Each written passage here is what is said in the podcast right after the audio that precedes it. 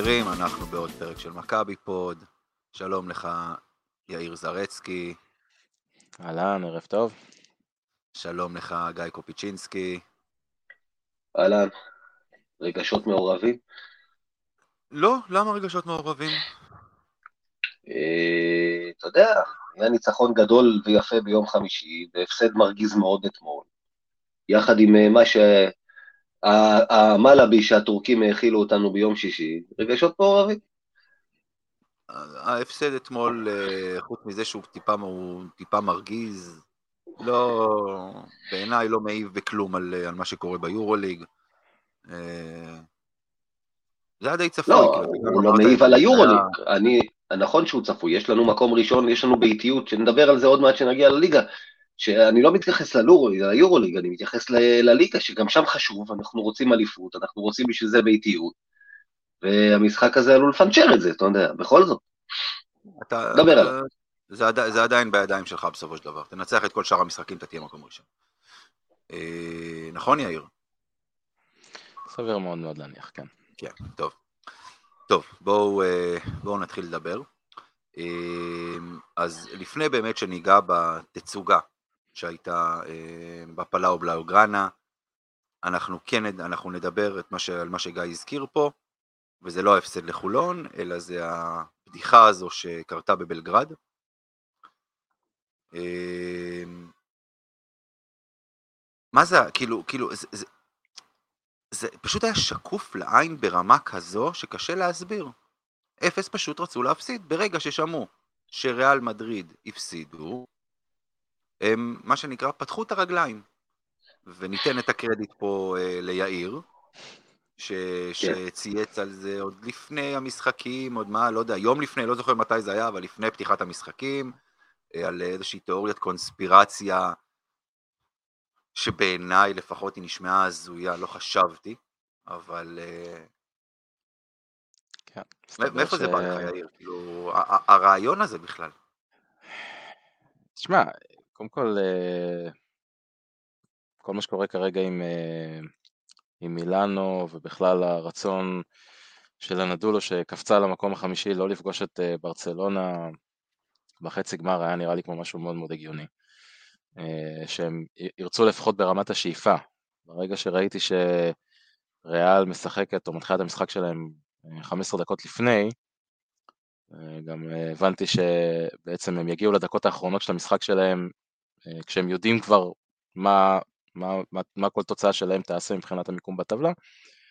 והיה היה כאילו הברקט, הצד השני של הברקט, של אה, מילאנו והחצי גמר אה, של מקומות 2-3, פשוט נראה קורץ מדי אם אתה קבוצה כמו הנדולו. ולכן אמרתי שעוד פעם, ברמה של תיאוריות, תיאוריות קונספירציה, זה, זה נשמע כמו משהו שיכול להיות שהם יעשו, יכולים לרצות לעשות. אבל האמת שהסתכלתי על כל מיני סרטונים משם, עשה לי ככה כמה פלשבקים למכבי תל אביב ב-2016 נגד אה, דרוש הפקה. זה נראה כל כך רע כשאתה מסתכל על זה. שחקנים שכאילו עושים את עצמם כאילו הם יורדים להגנה, מאבדים כדורים שזה נראה כמו, כמו, כמו השחקני כדורסל של Space Jam שם, שלקחו להם את, ה, את היכולות פתאום. זה היה נראה מאוד ממש ככה. היה שם איזה מהלך של קליניץ', שהוא כאילו פשוט רץ coast to coast, לבד לגמרי, אף אחד אפילו לא חשב כאילו לעשות צעד לכיוון שלו. קוראים לזה קליפ בר מצווה. קליפ בר מצווה, כולם עמדו, הסתכלו עליו, פינו לו את הדרך, חצוצרות, שטיח, מחאו לו כפיים, כאילו, זה, זה, זה פשוט קליפ בר מצווה, זה מסוג הדברים שהיית רואה ואתה אומר, אוקיי, מישהו אה, לבש בגדים כדי להיראות כמו משחק כדורסל, אין מצב שזה קרה במשחק מקצועני ביורוליג הליווי הזה, אבל, אבל הנה, יאיר, כן, נגע, לא, לא. יאיר נגע בנקודה, הנדולו בחרה, אתה יודע, אנחנו כל הזמן מדברים, בקבוצות, בזה חופרים, ריאל או מילאנו, מה עדיף למכבי?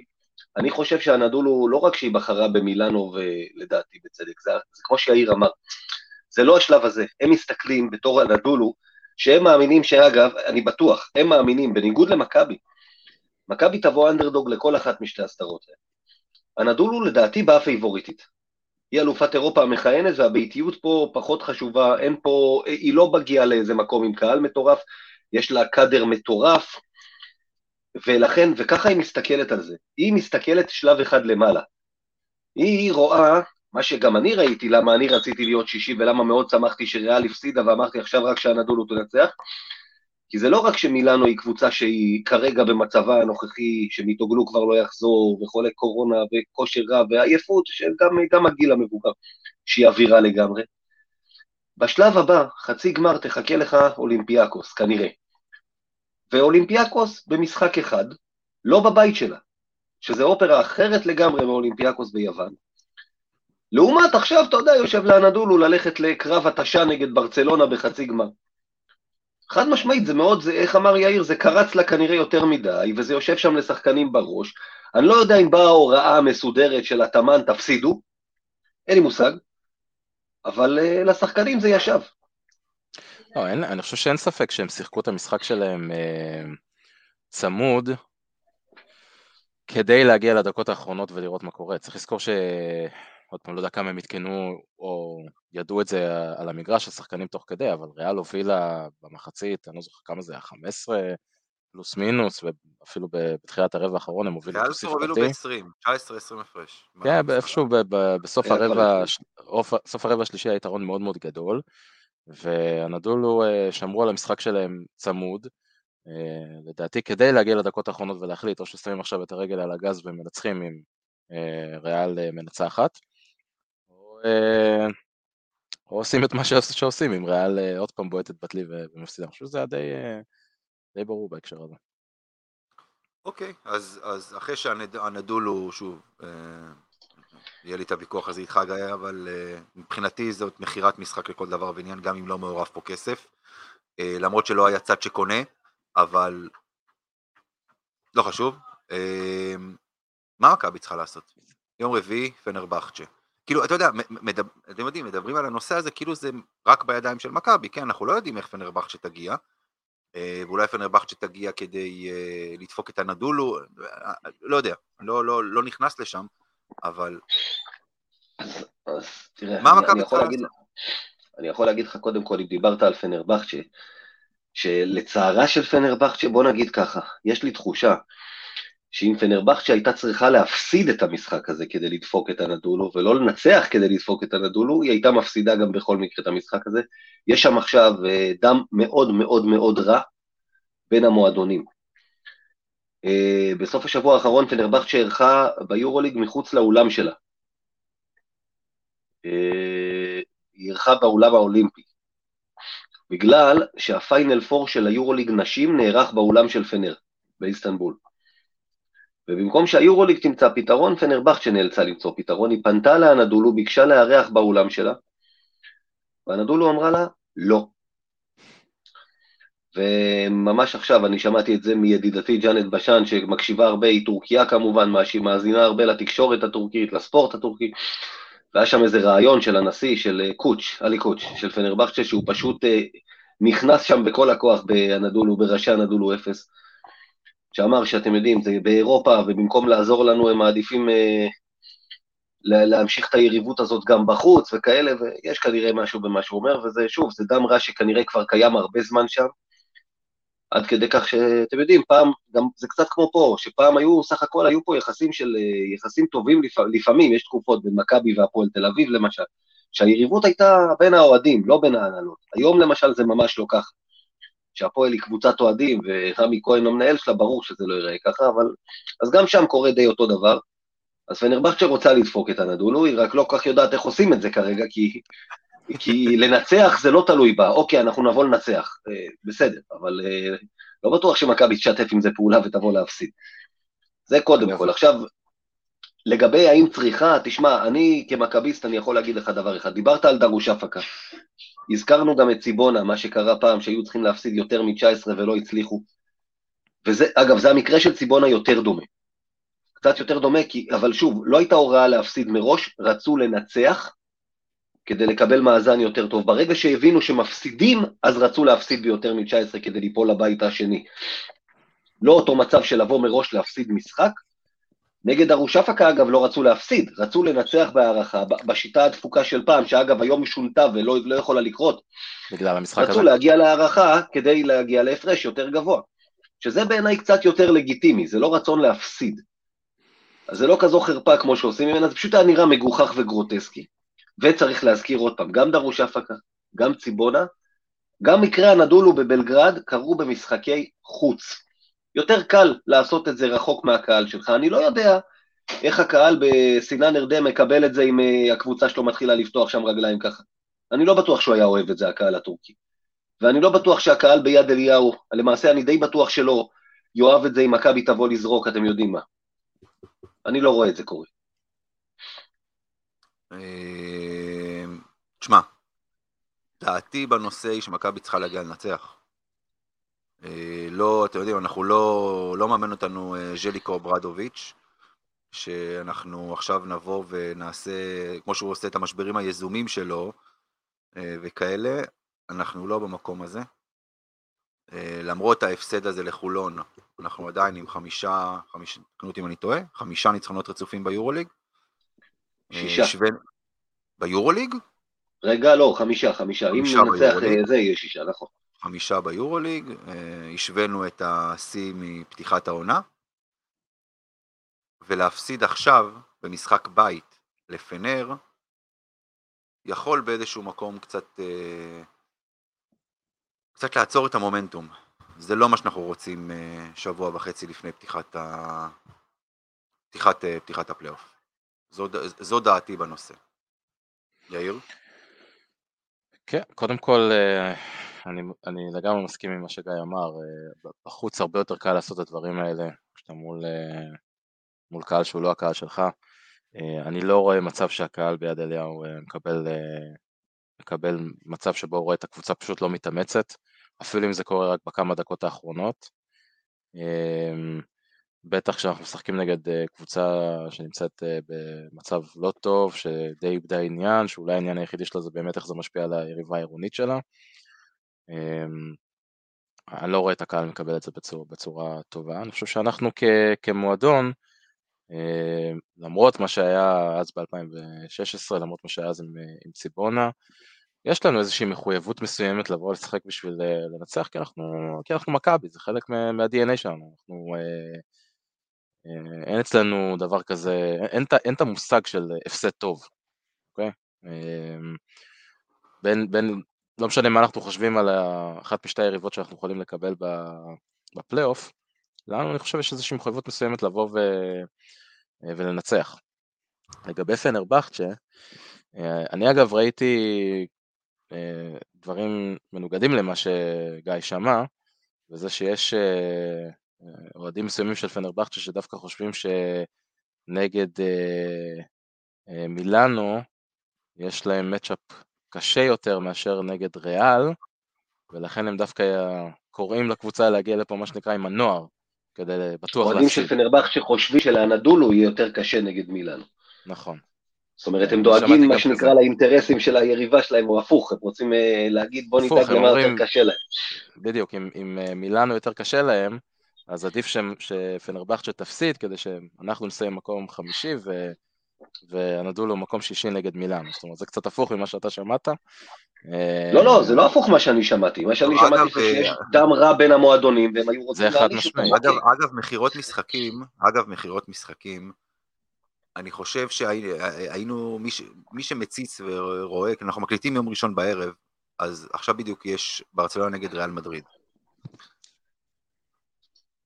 החלטה הזויה, שלדעתי של שופט שקיבל איזה כמה יורו מהצד. אני, אני חייב לתאר את זה כדי שתבינו, כאילו, נקודה, לבר, נקודה לריאל מדריד, התקפה האחרונה של ברצלונה, שריקה, החטאה, שריקה הזויה ביותר לעבירה בריבאונד, במאבק על הריבאונד, לטובת ברצלונה. שעל השעון אה, נשאר 0.8 שניות. רדיסב צ'ורצ'יץ' נגד פורטז בעונת 95-6 עם צ'יימברס באותה עונה של צ'יימברס. קלה אחד שלחו אותו ל- השנייה, נכון? כן, אבל זה העניין, הייתה פה עבירה, וזו הייתה השאלה אם זה בזריקה, והשופטים קבעו שכן, זה גם היה בריבון, זה גם היה שם איזה סיפור כזה, לא, שעל השעון לא נשאר כלום באותו זמן. אני, אני אז זה לא היה אני כמו היום, הולכים לשעון, רוצים לראות כמה עשיריות נשארו. אז השעון התאפס, התאפס. הש- אני ממליץ לראות את השריקה הזו, אז היה לחלוטין, המשחק הזה ילך פה עכשיו להערכה. כן, סליחה, הייתי חייב... קיצור, אה, כן. אז, אה, אז לגבי הסיפור הזה של פנרבכצ'ה ונדולו, אז כן, אין ספק שיש שם, יש שם אה, דם רע בין שתי המועדונים האלה. אגב, אני לא זוכר מה פנרבכצ'ה הצביעו בעונת 2020, אבל הייתה גם אז הצבעה לבטל את העונה, להמשיך אותה, מכבי הייתה מאלה שהצביעו בעד להמשיך, כשקורונה רק התחילה, פנרבך שהצביעו, הצביעו אז לארדואן, זה ברור. ש- שזה אומר, כאילו, אני צוחק, הם הצביעו ארדואן, כמו זה, זה הקבוצה כן.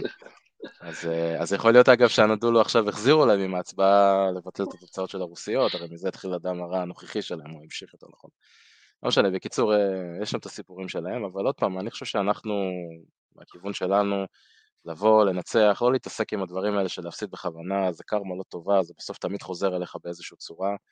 אה, צריך לבוא, צריך לנצח. במיוחד שניסינו ניסינו פעמיים בעבר ולא הצלחנו. כן, בדיוק, זה לא מה שניסינו.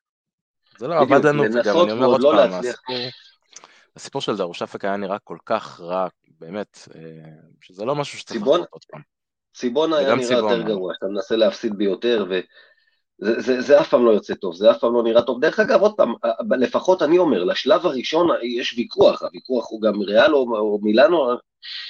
שוב, אני אגיד עוד פעם, עם כל הכבוד לכמה אוהדים שטוענים שאנחנו צריכים לעבור, אני עדיין חושב שאנחנו לא פייבוריטים באף אחת מהסדרות. חד משמעית. הסיפור הוא אם וכאשר אתה עובר, השלב הבא היה יותר קל אם היית מקבל את מילאנו, אבל גם זה, להסתכל לשם, אני- לתת לאנדולו אה, ולברצלונה לא. להתכתש בחצי אחד, ואתה תקבל את אני לא יודע למה אולימפיאקוס. אתם חושבים לא ככה, שיקרה. ברצלונה- לא- לא ניצחה אותנו שנים.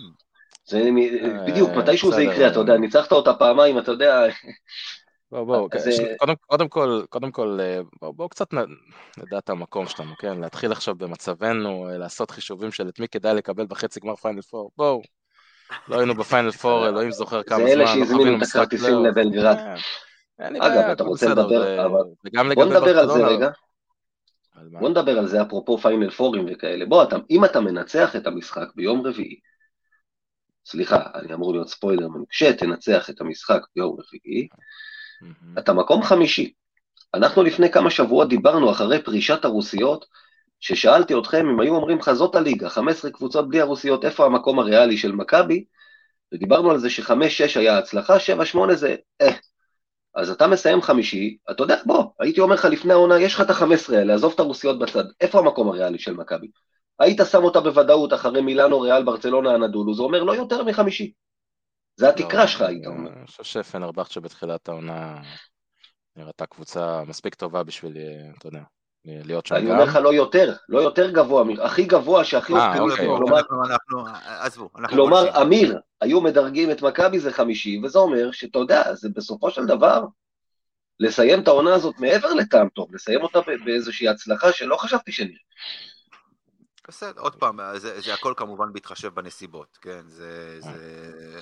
אגב, ל, לדעתי, לדעתי, אנחנו בפלייאוף עם כוכבית, בסדר? למרות ששוב, כאילו, אתה יודע, אפשר, תלוי איך מסתכלים על זה, בגדול אנחנו פלייאוף עם כוכבית. מכבי עושה פיינל פור. הכוכבית נמחקת? מי הכוכבית הזאת מעניינת? בסדר, אנחנו יודעים סתם, לא, לא, שקרה יודע, דיון- סוג של דיון תיאורטי כזה, זה, זה אתה יודע, אחר כך יבואו כן. ויגידו, אה, עליתם לפלייאוף, בעיניי כן. וזה. בעיניי כן. זה לא שעלינו לפלייאוף עכשיו, ו- ו- ואתה יודע, וקיבלנו איזה שלוש טרחות בראש ויאללה ביי. העפת קבוצה, ריאל מדריד, מילאנו, לא משנה, בסדרה. אתה, אתה באיזשהו מקום, אתה יודע, קצת מצדיק את ההימצאות שלך בפלייאוף באותו רגע. אה, אני, תראה, אה, בוא נחלק את זה רגע לשתיים. אנחנו בפלייאוף מבחינת זה שקיבלנו סיכוי מחדש ל- להתמודד על, ה- על, על כניסה לפלייאוף זה עם כוכבית.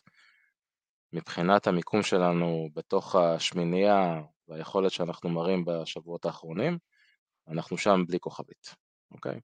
אה, לא משנה מה יקרה בפלייאוף. אה, כל אחד שיסתכל על זה איך שבא לו, אם ספור כוכבית, לא יספור כוכבית. אותי זה בעיקר עושה כיף לראות את הניי של הניי על זה ברשתות החברתיות.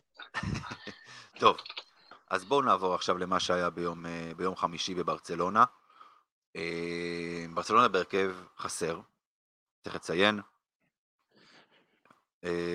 בלי קורי היגינס. חסר זה understatement. כן, בלי קורי היגינס שבעצם נפצע וגמר את העונה. מי עוד היה חסר? ברנדון דייוויס. ברנדון דייוויס. אוריולה. אוריולה, קייל קוריץ'. רגע, היה לנו שם עוד אחד. אחד הרכזים. פרוביטולה. לפרוביטולה, נכון. כן. אבל, אבל, היו שם אה, עוד כמה שחקנים שהם אה, קצת קשה להגדיר אותם אה, סגל ב', כמו שקראו לזה בימינו כשחקני כדורסל צעירים מיאיר, נכון? כן. מירוטיץ', קלטס. קלטס. דנטה אקסום. אקסום. וויליאמס גוס. נאג'י, נאג'י. וויליאמס גוס תפגוש בפלייאוף, אתה מדבר על... סליחה, סליחה, לא וויליאמס גוס. אתה מדבר על נייג'ל הייז. על נייג'ל הייז. נכון, נכון, נכון, נייג'ל הייז. והרכז הליטאי הצעיר שברח לי השם שלו. יוקובייטיס. יוקובייטיס. יש ככה, בואו, יש נייג'ל הייז דייוויס זה ברצלונה, יש נייג'ל וויליאם גרוס זה ריאל מדריד, ויש את ניק ויילר באב, שזה ויין מינכן, זה ממש ג'ודי לוצה אהרונוב גרסת היורולי, כל השמות. ואת הבא בשני אנחנו נפגוש ביום שישי בערב חג. באבל וואד. אמ, תראו, עוד פעם, אז, אז אפשר עוד פעם, נחזור רגע לעניין הכוכבית. ניצחון עם, עוד פעם, כן, מול ברצלונה בהרכב חסר, אבל ניצחון על ברצלונה, בחוץ, ולא סתם ניצחון, לא ג'יה ג'אנו שם לניצחון, כן? זה 24 הפרש. כשהנוער לא שיחק כל המשחק. הוא נכנס בעיקר בסוף. תקנו אותי אם אני טועה. לא, לא טועה. אני לא טועה. אז למה להמעיט בערך של הניצחון הזה? תסלחו לי. תראה, קודם כל, אה, לא ראיתי יותר מדי... אגב, אנחנו היינו בלי בנדר ובלי בלייזר. גם אנחנו בהרכב חסר. אני מסרב להחשיב, אני מסרב להחשיב את בנדר כשחקן מכבי תל אביב. הוא לא. אני, אני, לא מסרב לה, אני מסרב להאמין שענית ברצינות עכשיו לאמיר. לא, אני מסרב להחשיב את בנדר כשחקן כדורסל, עזוב מכבי תל אביב. לא, לא, עזוב, שחקן כדורסל הוא שחקן כדורסל, אולי לא מספיק טוב, הכל בסדר. יש את הדיון הזה שעל בנדר ויותר מדי בדיחות עליו, אני לא מוכן לשמוע בכלל, באמת, אני אומר לך, אני כל פעם אומר את זה, אם וכאשר הוא חוזר לקבוצה, אני הולך לכעוס. אני לא מוכן לשמוע על בנדר כרגע. הוא לא חלק מהקבוצה, אני מעדיף להדחיק את זה, לא לראות את הדבר הזה. מבחינתי מי שעומד שם, ה... שאתה רואה אותו תמיד באזור הספסל ביד אליהו וחוגג עם הקבוצה, זה עדיין ברונו שונדוב מ-2004 או משהו כזה, לא יודע, זה, זה מביא מגבות גבוה במיוחד. לא יודע מי זה, זה לא. הוא, הוא יושב איתם בחדר הלבשה, גיא. בסדר, זה, זה, תקשיבו, זה לא מעניין. זה באמת, אז בואו, אני לא באמת ניכנס לדיון בנדר עכשיו, נכון? הוא פצוע, כן. הוא לא חלק מהקבוצה, אין לו חוזה במכבי, הלאה, בואו נתקדם. תראה, קודם כל אני, אני לא ראיתי הרבה מאוד אנשים שניסו להקטין את הניצחון הזה. אה, ברור ש... נושא הסגל של ברצלונה עלה, אגב בעיניי לא פחות מאשר הסגל ששרס הלביש אה, למשחק הזה, זה גם היה חלוקת הדקות שלו וניהול הרוטציה. אה, זאת אומרת, מאוד מאוד בלט לאורך המשחק. ומי ש... אמר שזה יקרה? אתה אמרת שזה יקרה. יופי, אוקיי, עכשיו אתה יכול להמשיך. אה, אז היה מאוד ברור במהלך המשחק שהוא בוחר את הדקות שלו לאו דווקא לפי מה שקורה על המגרש, כמו מאמן שיש לו איזה דחף לנצח את המשחק, אלא לפי איזה מחשבון שהוא הביא מהבית, אה, אפשר להסתכל על דקות למשל של גלטס ומירוטיץ', ממש כמעט על השנייה זהה באזור ה-17-18 דקות לכל אחד מהם, אה, וכמו שאמרת, סוף המשחק אה, הובלנו בתחילת הרבע, בדקות הראשונות של הרבע הרביעי הובלנו סביב החד ספרתי גבוה, מתקרב לאזור הדו ספרתי כבר, והוא לא עשה את מה שבדרך כלל מאמנים עושים, שזה להתחיל להכניס את השחקנים הטובים שלו כדי לסיים את המשחק, אלא להפך, הוא הלך יותר עמוק לספסל, יותר, יותר צעיר, יותר חסר ניסיון, ואז באמת ההפרש הלך וצמח. זה החלק של ברצלונה, מהשיקולים שלהם, מהסיבות שלהם. מצד שני, אני חייב להגיד עוד פעם, גם, גם אם המשחק הזה היה קורה נגד קבוצת ליגה במסגרת הליגה הישראלית, אני חושב שהיינו יוצאים מהמשחק הזה והיינו אומרים, מכבי תל אביב שיחקה טוב, שיחקה טוב מאוד אפילו, מבחינת אחוזי כליאה, אה, מבחינת שטף, שטף התקפי, אה, מבחינת אה, מה שרצינו לעשות ואיך שהוצאנו את זה לפועל. מן הסתם אם ברצלונה היו עולים בסגל הכי חזק שלהם והיו משחקים בשביל לנצח את המשחק, זה כנראה לא היה נגמר ב-24 הפרש, לא יודע אם היינו מנצחים או מפסידים, כולנו הסכמנו לפני המשחק שכנראה נפסיד במצב כזה, אבל לא צריך להמעיט במה שעשינו שם מצד אחד. מצד שני גם אני לא חושב שצריך לצאת לחגוג ולהגיד אנחנו הקבוצה הכי טובה באירופה, לא משנה אם נתקבל עכשיו בסדרת פלייאוף, אנחנו בועטים אותם 3-0 והולכים לפיינל 4 כפיבוריטים, זה גם לא. אה אוקיי, טוב, חשבתי פשוט. כי אני אגב ראיתי יותר את זה, אני ראיתי יותר אנשים שממש מוציאים את הניצחון הזה מפרופורציה לכיוון החיובי. וזה בעיניי קצת להסתכל על התוצאה הסופית ואיך קוראים לקבוצה מצד שני, ולא בהכרח על אה, נגד מי באמת שיחקנו. סינדרום מכבי חיפה נגד מנצ'סטר יונייטד נכון, ב-2002-2003. כן. הכותרת הייתה 3-0 על מנצ'סטר יונייטד. זה ששיחקו עם הרכב שלישי והבטיחו עלייה לפני, אה, פחות היה חשוב לעיתונאים ולמי שעשה את ההייפ. אני מסכים עם מה שאמרת. קודם כל, גם נגד קונוסים אנחנו ראינו השנה שמכבי תל אביב הייתה מסוגלת לשחק גרוע. אה, דרך אגב, אולי, אולי זה ההבדל, אולי זה ההבדל, כי מבחינת מכבי תל אביב, היא כן באה להוכיח, וזה היה מאוד חשוב לעניין של צבירת ביטחון, גם במשחקי חוץ, להראות שאתה יכול להיות טוב גם בחוץ, להיות דומיננטי גם בחוץ, לרוץ גם בחוץ, ולקלוע הרבה גם בחוץ, ולא רק בנוחות עם הקהל של יד אליהו, לקראת אותו פלייאוף שאנחנו מדברים עליו כל כך הרבה. זה היה עניין מאוד מאוד חשוב למכבי וראו את זה. אז היא לא באה באווירה שהיא באה לאיזה משחק ליגה של כאילו אין על מה לשחק, כי גם פה היה על מה לשחק, אתה יודע. מצד שני, עכשיו בדיעבד, אתה יודע, עם מה שהנדולו עשו, אולי היה עדיף להפסיד, אבל, אבל, אבל נהניתי מהקבוצה, ועוד פעם, לעשות רמה כזאת, רמת ביצוע כזו גבוהה, זה לא משנה, גם נגד קונוסים, זה מרשים. ושפת הגוף של הקבוצה, גם ראו שהם נהנים. עכשיו אני אעשה קופיצ'ינסקי ואני אגיד, קיבינימט, תראו את הפוטנציאל של הקבוצה הזו, איפה זה היה עד לפני חודשיים. אנחנו דיברנו על זה הרבה קודם כל, שאנחנו, זו קבוצה שלא מצאה את הפוטנציאל שפוטנציאלית, שוב, אם אתה משתמש נכון בכלים, זה לא פוטנציאל אולי להיות אלופי אירופה, לא, בסדר, אבל אין ספק שהסכמנו על זה, שהפוטנציאל של הקבוצה הזאת הוא לפחות פלייאוף, אה, אה, ברור. נכון. אז בואו נעבור עכשיו ונדבר על המשחק אתמול, נגד חולון. שאולי זאת לא תהיה דעה כל כך פופולרית מבין, uh, בתוך אוהדי מכבי. מכבי לא שיחקה אתמול רע. מכבי לא שיחקה אתמול רע. Uh, כן, הגנת השלשות הייתה קטסטרופה, במיוחד בהתחלה. Uh, שם חולון צברו ביטחון, ו- ו- ו- אבל בסופו של דבר, משחק שהם כלו, איך גיא כתב היום? 88 שלשות ב-192 אחוז. המשחק הזה בסוף, ואתה קלטת 6 שלשות במינוס 14 אחוז, בסוף המשחק הזה נגמר על פוזיישן אחד. אחד.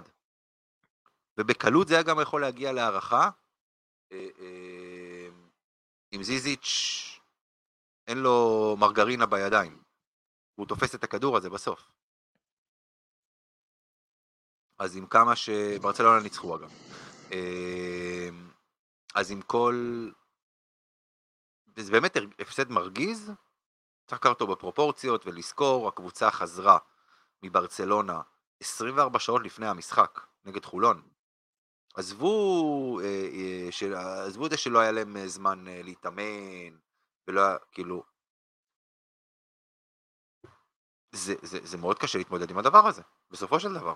אחרי משחק חוץ ביורוליג, להגיע 24 שעות אחרי זה לעלות למשחק נגד קבוצה טובה, וחולון קבוצה טובה ואצלה בבית, אני לא מתרגש מההפסד הזה יותר מדי. אני מסכים איתך לגמרי, זה לא עניין של להתרגש, זה עניין של עוד פעם, יש באמת פה ים של נסיבות מקלות, מישהו אמר לי תירוצים, זה לא תירוצים, לנחות מברצלונה, ואני, לכן אני חזיתי הפסד, לנחות מברצלונה ביום שישי, זה בעצם אומר שהקבוצה לא התכוננה בכלל. עוד פעם, יש לנו גם בעיה אובייקטיבית של להתכונן למשחקי ליגה, שאתה, יש לך שמונה זרים, אתה מתאמן עם כולם, אתה לא מתאמן עם הסגל הספציפי למשחק, אבל ככה בכלל, אפילו לא היה אימון כהכנה, אתה יודע, להתכונן נגד ההתקפה של חולון, מה עושים איתם. הם כלו ביום פסיכי, הם אצלם בבית. עם כל זה היו לך את ההזדמנויות בסוף עוד לנצח את המשחק? זה לא רע. איפה הבעיה? כמו שדיברנו, ההפסד הוא בעיה כי אתה בבית העליון, אתה צברת בתקופת יאניס יותר מדי הפסדים, ואין לך עכשיו מרווח לטעויות. אנחנו עכשיו צריכים לנצח, אין שאלה בכלל. כל מה שנשאר, בוודאי שאת ירושלים, אבל כל מה שנשאר, וברמה התיאורטית, אם חולון תנצח הכל, ואני לא מאמין שזה יקרה, אבל אם היא תנצח הכל, עכשיו היא מסיימת מעליך, ואנחנו ראינו השנה שהביתיות הזאת תהיה חשובה, כי היא ניצחה אותנו פעמיים אצלה בבית, זה לא קרה במקרה. יאיר. אתם עוד פעם משאירים לי כלהיות זה שמדבר על כל הדברים הלא טובים. אתה השוטר הרע, כן, מי שצריך. כן. אה, תראו, אני מסכים איתכם. אה, לא משחק שצריך לקחת אותו יותר מדי קשה, למעט אה, המשמעות שלו מבחינת המאבק על המקום הראשון, כמו, ש... כמו שגיא אמר. שבאמת אין לנו מרווח לטעויות יותר וחייבים חייבים באמת לנצח הכל, כולל משחק מאוד לא סימפטי, פחות מ-48 שעות אחרי פנרבכצ'ה, בשעה 1 בצהריים, יום שישי. ערב חג. ערב חג, קצת פחות מעניין אני מניח את הזרים והמתאזרחים שלנו, אבל ערב חג, נכון? לא, זה, זה מעניין את הקהל אגב. את הקהל זה מעניין. כן, למרות שאני לא יודע כמה, קהל הרצליה מושכת גם במשחק באמצע שבוע. לא, אבל... לא, לא, לא, זה, זה לא קשור, אני, אני, שנייה, אני, שנייה, שאני, סליחה שאני קוטע אותך, זה לא קשור להרצליה. זה לא משנה נגד מי מכבי היו משחקים, לדעתי. אוקיי.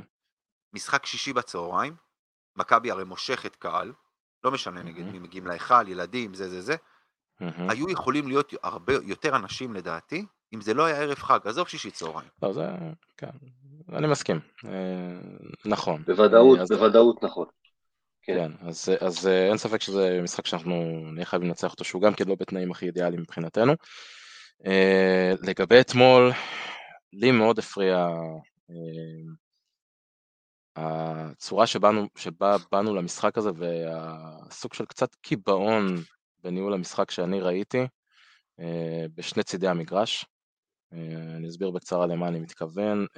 אה, היה מאוד מאוד ברור שבקצת זמן שכן היה להכין תוכנית משחק, המטרה הייתה תכניסו את הכדור פנימה, כי בפנים לחולון אין איך לעצור את ז'יז'יץ', אין איך לעצור את סורקין וגם לא את וויליאמס, תטחנו פנימה, פנימה, פנימה. שזה בסדר, זה, זה על פניו נכון ברמת הקונספט כשאתה מגיע למשחק הזה, אה, אבל כשאתה רואה שבצד אחד אנחנו שומרים כל כך רע אה, על, על שלשות, ותכף נגיע לצד הזה של המגרש, וחולון קולים באחוזים באמת כאלה פסיכיים, ובצד השני, אה, למרות שז'יז'יץ' מסיים את הרבע הראשון, יש לו איזה 6-8 נקודות, אני לא זוכר כמה זה היה, סורקין קולע כמעט מתי שהוא רוצה, יש לו גם כן איזה 6 פלוס מינוס נקודות, וויליאמס שם מתעופף לדנקים, אבל אתה מרים את העיניים למעלה ואתה מסתכל על הלוח, ואחרי שתי דקות כבר 14-4, ואחרי חמש דקות הם כבר מובילים בדו ספרתי אה, בדרך לאולי איזה בלואו-אוט, אתה כאילו באיזשהו מקום אמור לבוא ולהגיד לעצמך, אוקיי, השיטה הזאת של אני אקלע ואני אטחן פנימה, לא כל כך עובדת, חייבים להתחיל לזרוק גם מבחוץ, כולנו מכירים את המשוואה של אה, שי האוזמן, שלוש גדול יותר משתיים, אוקיי? וזה בדיוק מה שהיה אתמול. אנחנו משחקים פנימה פנימה פנימה. אני חושב שהגענו לאמצע הרבע הרביעי, זרקנו מספר חד ספרתי של שלושות. וזה תוצאה בעיניי של תוכנית משחק שטחנו אותה קצת יותר מדי לשחקנים ולא שינו אותה תוך כדי תנועה כי ראו שזה מכניס אותנו לבעיה. אה, אז לי זה, זה הפריע בצד הזה של המגרש. בצד השני, אני לא יכול לראות יותר את האזורית הזאת. באמת, אני, אני, אני בעיקר לא יכול לראות אותה כשמשתמשים בה נגד קבוצות שאין לה גם תיאוריה להצליח. ראינו את זה נגד הנדולו ואיך זה נגמר, וראינו את זה אתמול, ואתה מצפה שאחרי התקפה 2 אה, מישהו בספסל ישים לב שהאזורית הזאת לא עובדת, ואנחנו נותנים לשחקנים שיודעים לקלוע טוב מבטים יותר מדי פנויים, אה, וירד מזה, אנחנו לא רואים את זה. וגם אחרי זה כשעברנו מזה אה, להגנת חילופים שהייתה קצת יותר טובה, עדיין ראינו שחקנים אה, עושים טעויות נורא בסיסיות של אה, לבוא לעזרה לשחקנים שחודרים כשברור שכל מה שחולון מחפשים זה לחדור ולהוציא פנימה למישהו משלוש ונפלנו על זה פעם אחרי פעם אחרי פעם. להוציא אה, החוצה. כן. שוב, אני נותן איזושהי הנחה מסוימת על העובדה שבאמת לא היה הרבה זמן להתכונן גם מנטלית למשחק הזה. אה, אבל אני, אני רואה יותר מדי פעמים את הקיבעון הזה באיך שאנחנו באים למשחק ומה קורה כשזה לא עובד. לא קרה יותר מדי פעמים כי ניצחנו די הרבה משחקים לאחרונה, אה, אבל זה משהו שקצת מתחיל להדאיג, להדאיג אותי לקראת ההמשך, ואני מקווה שאנחנו לא רואים פה איזה סימפטום של מקרה שבאמת יש לנו אה, חיסרון מובנה בניהול המשחק שבא לידי ביטוי כשהדברים לא עובדים כמו שצריך. תשמע, לגבי העניין עם ללכת פנימה בכל מחיר, אני חושב שמכבי הייתה צריכה להמשיך את זה, אבל לעשות את זה בצורה יותר חכמה. כי באיזשהו שלב ראית שברגע שהכדור נכנס פנימה, על הכדרור הראשון, מה שמכבי עשו בעיקרון לברצלונה, לברנדון דייוויס, במשחק הראשון העונה, כל פעם, ש... וגם וולטר טווארז לדעתי במשחק הראשון, ברגע שמורידים את הכדור לרצפה, מגיע trap, אמ, והבעיה שהגבוהים של מכבי לא מוציאים את הכדור מספיק מהר החוצה. אם בכלל. אה, שלא נדבר על ריינולדס, שלא מוציא את הכדור החוצה, לא מהר ולא לאט, פשוט לא מוציא. אה, זיזיץ' הסתבך לא מעט פעמים עם השטות הזאת. ואתה יודע, אני, אני חוזר למה שאמרתי כשאנחנו דיברנו על, אה, כשאודיאניס היה כאן, על למה הקבוצה לא רצה, ושאתה אמרת שהקבוצה לא יודעת לרוץ. ואני חזרתי ואמרתי, אלה דברים, זה הבסיס של הכדורסל. הוצאת כדור החוצה מהגבוה לגארד זה בסיס של כדורסל. שוב, לומדים את זה בגילאים צעירים. וזה משהו שצריך, עוד פעם, זה, זה, זה, פשוט הרגיז, זה, אלה דברים, כן, שאתה, כשאתה בא ואתה אומר, אלה דברים שהרגיזו אותי לראות אתמול. אה, אבל, עוד פעם, מעבר למאבק על המקום הראשון, ששוב, חולון לא תנצח את כל שאר, שאר, שאר ארבעת המשחקים, אה, וגם לא ירושלים תנצח את כל המשחקים, זאת אומרת, זה עדיין בידיים שלנו, נראה לי לפחות... ירושלים אגב יכולה, זה, אנחנו צריכים במרכאות להחזיק אצבעות לירושלים נגד חולון, לנצח את ירושלים, ואישרנו את זה, זה, זה הכל. כן, אתם שוב פעם שוכחים את הרצליה, אני אומר לכם, זה סוס שחור שלא סופרים אותו, למרות שכבר הם הוכיחו את עצמם השנה בגביע, והם משחק אחד מתחתנו ומתחת ל, לירושלים. סוס שחור, אתה התכוונת, התכוונת לאונוואקו. לא, לא, לא, לא, לא, אל, אל תכניס אותי לפינות האלה, סוס שחור במובן המטאפורי שלו. ב... סוס שחור שזורק סבתא מהעונשין. גזענות לא אצלנו, לא פה. אה, לא, לא, סתם. אה, טוב. אני מבקש להיות פוליטיקלי קורקט, סוס אפרו-אמריקאי. כן. טוב, חברים, בואו אה, בוא נתקדם הלאה. אה, אז סיימנו בעצם את, ה, את הליגה הסדירה בארץ. אנחנו מסיימים את הליגה הסדירה ביורוליג אה, בעוד שלושה ימים, ביום רביעי. זמן סיכומים, מה שנקרא סיכום בין... תעודת, אה, אנחנו לפני השליש האחרון של העונה. איך זה, לא, לא יודע, אני לא יודע איך זה היום. בתקופתי, כשאני הייתי בכיתה ט', אז היו שלוש תעודות. ועם התעודה השנייה, היית הולך להירשם לתיכון. כן. אז נכון. אנחנו עכשיו בשלב של התעודה השנייה. אני הייתי צריך לשפר, רציתי להתקבל לכיתת כדורסל בתיכון, הייתי צריך לשפר את הציונים. לא חשוב, לא רלוונטי. טוב. התעודה, אה... התעודה של ג'יילן ריינולדס נמצאת אצל המנהל. שילך לקחת אותה ממנו, אתה יודע, כמו הילדים הבעייתיים. התעודה של ג'יילן ריינולדס נמצאת איפשהו בש... בביוב, הרי שהורידו אותו בשירותים מרוב הציונים. כן, אני לא אגיד מה עשו איתה. טוב, לא חשוב. בסדר, חברים, אנחנו יכולים לצחוק על השכל שלו ועל התעודה שלו, בסוף הבן אדם מקבל אה, מאות אלפי דולרים אה, בשנה בשביל לעשות את מה שכולנו חולמים עליו. גמרים זה עוד הצליח, הוא הצליח בחיים. כן, כן, כן אין משמעות. זה נכון. מה שמראה שלא תמיד צריך מוח כדי להצליח בחיים, אין ספק. אה, טוב, אז אנחנו נלך בעצם לפי, נלך לפי הסדר, לפי סדר כרונולוגי, לפי המספרי הגופייה. וזה רק אה, מה שנקרא אך טבעי, שנתחיל אה, אה, במספר אחת. סקוטי ווילבקי. עכשיו, רגע, לפני שאנחנו מתחילים. הציונים הם לא מ-1 עד 10 או מ-0 עד 100. אנחנו חוזרים לימי הבית ספר היסודי, לציונים מילוליים. זאת אומרת, לא מספיק, מספיק בקושי, טוב, כמעט טוב, כמעט טוב מאוד, טוב מאוד. נחזור לבית ספר היסודי של פעם. יאללה, מי רוצה להתחיל עם סקוטי ווילבקין? ציון וכמה מילים למה הציון הזה.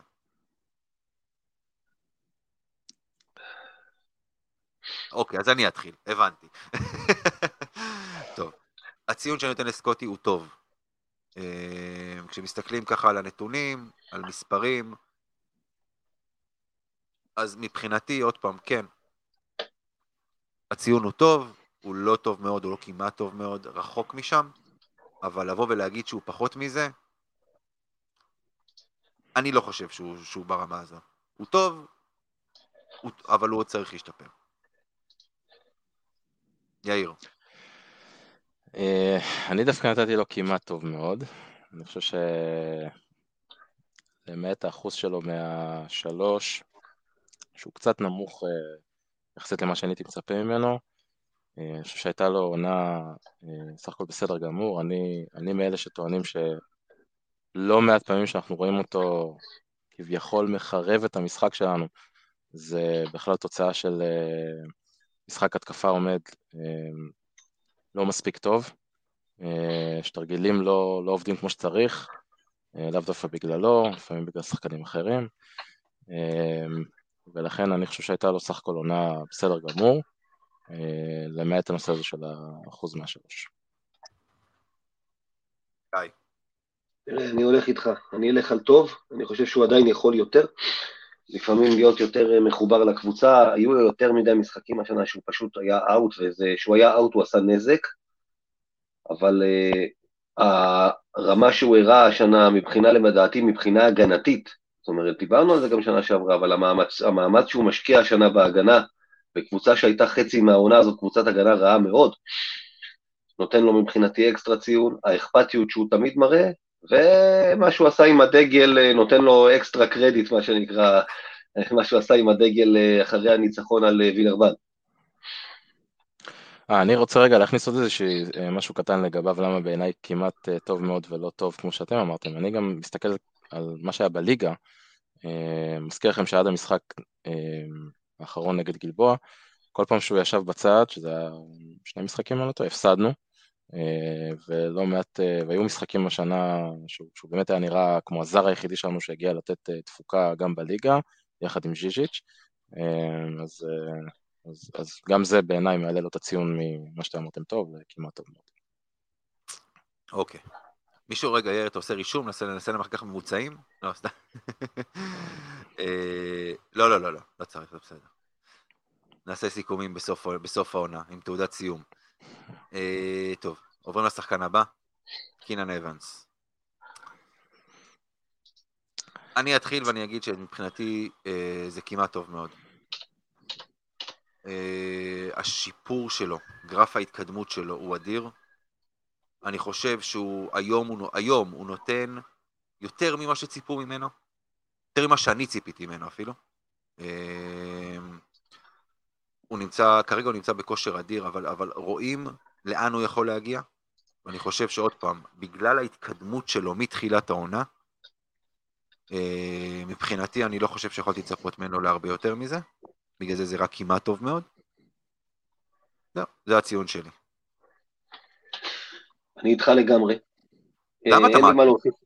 אין לי מה להוסיף. חזרנו לבית ספר, אבל בוא לא נסחף. תזיז את היד, אני רוצה לראות מה כתבת חוץ מלהציג את השם. וואו, הכנסת אותי לימים של זה, בקיצור, אני, אין, לי, אין לי באמת מה להוסיף על מה שאמרת, השאלה לגבי קינן אבנס היא לא שאלת הציון האישי שלו בבניית הקבוצה לעונה הבאה, אלא כמו שאמרתי, העניין הוא של מה אתה רוצה שם לצד סקוטי ווילבקין. קינן אבנס את שלו עושה, מעל ומעבר הוא גם מראה, כמו שאמרת, שיפור, וזה מה שאנחנו רוצים לראות משחקן שהגיע מקבוצה כמו הפועל חיפה ועושה עונה ראשונה ברמה כמו יורוליג. יאיר. טוב, אז כשאני באתי להסתכל על קינן אבנס, אה, הגעתי לאיזה מסקנה מסוימת, שהשפיעה גם על איך דירקתי את, אה, את החבר'ה בהמשך הסדר של המספרי גופיות, אה, והיא שבעצם סוג של ראינו שתי קבוצות של מכבי השנה. ולכן החלטתי ללכת בגישה, עם חלק מהשחקנים בגישה של החבר'ה הנוצרים, שכשהם סופרים שנים, אתם מכירים את זה שיש להם כל מה שקרה אחרי הסיפור עם ישו זה אחרי הספירה, וכל מה שהוא לפני זה BC, before count, אז נכון. יש uh, יש ל' פ' ויש א' פ', שזה, אני מניח שהבנתם, לפני פוטין ואחרי פוטין. אז, אז לפני פוטין, קינן אבנס קיבל ממני ציון טוב, הוא התחיל מאוד חלש את העונה, מאוד לא יציב.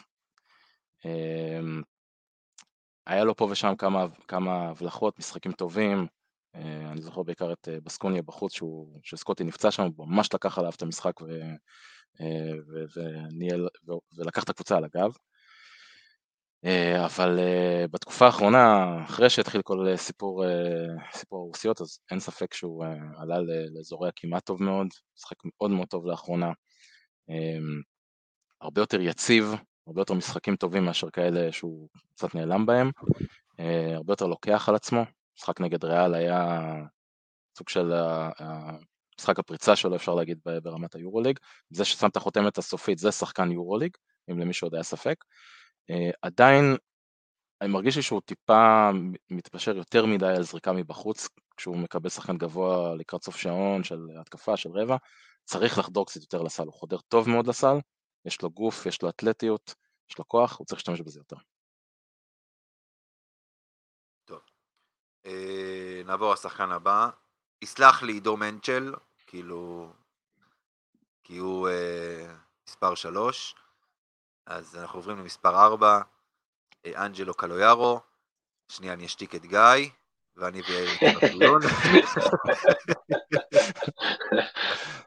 אני דווקא יש לי משהו שגיא יאהב. בסדר, אין בעיה, הוא ישמע, הוא לא יוכל לדבר פשוט, אין בעיה. הציון שלי לקלויארו הוא מצוין. לא, לא, לא. לא. כמעט טוב. כמעט טוב. כי הוא... היו לו כמה דברים שהוא עשה. כמה דברים שאין מישהו אחר שנותן אותם. זה ההאסל, זה המאבק, זה כל מיני מהלכים קטנים, אתה יודע, שקופצים לי לראש, כמו אה, החטיפה שלו נגד פנתנייקוס פה בהיכל, אה, אה, הכדור שקיבלת ליד, מה זה בדרבי? כן. שהוא חטף כדור בדרבי, כן. שיכולת עוד לנצח כאילו באחד מהמשחקי הדרבי, זאת אומרת, דברים שהוא עושה ואחרים לא. ועוד פעם, זו הסיבה שאני מאוד אוהב אותו באופן אישי, אבל זה הציון שלו עוד פעם, כי הוא, הוא לא מועיל מספיק. הוא לא מועיל מספיק, הוא לא, הוא, הוא כשחקן שמונה, תשע, הוא לא נותן את מה שהוא אמור לתת עדיין. Uh, גם בצד של ההתקפה. הציון שלי לקלויארו הוא כמעט טוב. אוקיי, okay, אז כן, אני... Uh... על אה, תקופת אה, לפני פוטין נתתי לו ציון של טוב, כי אני חושב שבתקופה הזאת, אה, עכשיו באמת להיות רקע רציניים בנושא הזה, הרבה יותר מדי שחקנים פשוט לא הופיעו ביותר מדי משחקים, גם ביורוליג, אבל אפשר להגיד בעיקר בליגה, והוא, כמו שאמרת, בא ונתן תמיד את הגוף, את המהלכי האסל האלה, בא לשחק חזק גם בליגה, בכל משחק, אה, אבל כמובן, עוד פעם, הוא מוגבל ביכולות שלו במה שהוא יודע לתת, אה, ולכן זה נעצר בטוב. בחלק האחרון של העונה, זה שבא אחרי אה, הסיפור עם הרוסיות, אני נתתי לו טוב מאוד, כי הוא כמעט ולא משחק, בדקות שהוא משחק הוא לא מזיק, הוא עושה בדיוק את מה שהוא צריך לעשות, לא מרגישים שכשהוא על המגרש זה פוגע בנו בהתקפה בצורה קשה מדי. סגור, סגור את העיניים, גיא, סגור. לא, לא באמת, אני, אני, גם כשהוא על המגרש, אני לא מרגיש שאנחנו פתאום הפכנו להיות קבוצה שלא לא, לא מצליחה לעשות סל, או משהו בסגנון הזה, או שמשחקת 4 על 5, אוקיי? אז uh, בעיניי הוא בדיוק במשבצת שהוא צריך להיות, אם כבר הוא נמצא במכבי תל אביב. Uh, לא ניכנס רגע למה צריך לקרות את העונה הבאה, אבל uh, זאת צריכה להיות המשבצת שלו. בעיניי, uh, בעיניי השינוי הזה היה רק טוב בהקשר שלו. גיא. שמע, קודם כל צריך להמציא ציון כמעט שחקן כדורסל, ואז ניתן אותו לקלויארו, אבל ברצינות, נגיד ככה, הציון שלי מבחינתי שאני נותן לו, עם כל, ה, אתם יודעים, האובייקטיביות שלי בנושא, היא מספיק. מספיק, כי קלויארו את הדברים, כמו שאמיר אמר, תמיד יילחם, תמיד ייתן, יש דברים שלא קשורים אליו, וזה שהוא פשוט לא מספיק טוב, זה לא אשמתו. הוא תעלה אותו, ייתן הכל, כמו שגם אני הייתי נותן הכל במרכאות, אבל השנה הייתה ירידה מאוד משמעותית אצלו בכל הנוגע ליכולת ההתקפית, הוא כאילו נפטר מהכדור ומתייחס אליו כמו לתפוח אדמה רותח. הוא לא היה כל כך חסר תרומה התקפית בשנה שעברה ובשנה שלפניה. ואי אפשר לשחק כדורסל מודרני היום עם שחקן שפוחד מהכדור, פשוט לא. אה, הנ"ל יעלה כיתה, אך לא בבית ספרנו, מה שנקרא. טוב, אתנחתא קומית קלה, תסבירו לי איך ירושלים הפסידו לראשון, כשעכשיו הם בפיגור של 25 הפרש נגד נס ציונה. ראשון. ראשון. עזוב, נו, לא, לא תמיד משחק אחד קשור לשני, זה... מכבי לא... הפסידה ב... אני תמיד אזכיר את זה, ב-2001 שנת זכייה בסופרוליג הפסידה בבית לקריית אתא מוצקין שירדה ליגה, לאחים נניקשווילי. בוא, זה, זה לא משחק בודד, אתה לא, לא יכול להקיש ממנו שום דבר. ולאור איתן. ורז מנשה. איך ירושלים הפסידו לראשון? כי אם הם היו מנצחים, היה להם את המקום הראשון, וזאת ירושלים. הם פשוט אה, לא מחמיצים את ההזדמנות להחמיץ הזדמנות. זה, זה, אין, אין לי הסבר אחר שהוא נטו לכדורסל לתופעה הזאת. סבבה. הלאה, מתקדמים. אנחנו במספר 6 בדרק וויליאמס. מישהו אחר רוצה להתחיל עם הציון? כן, אה, אני אתחיל. דרק וויליאמס, אה, וואו, איזה אכזבה בחלק הראשון של העונה. נתתי לו ציון של מספיק.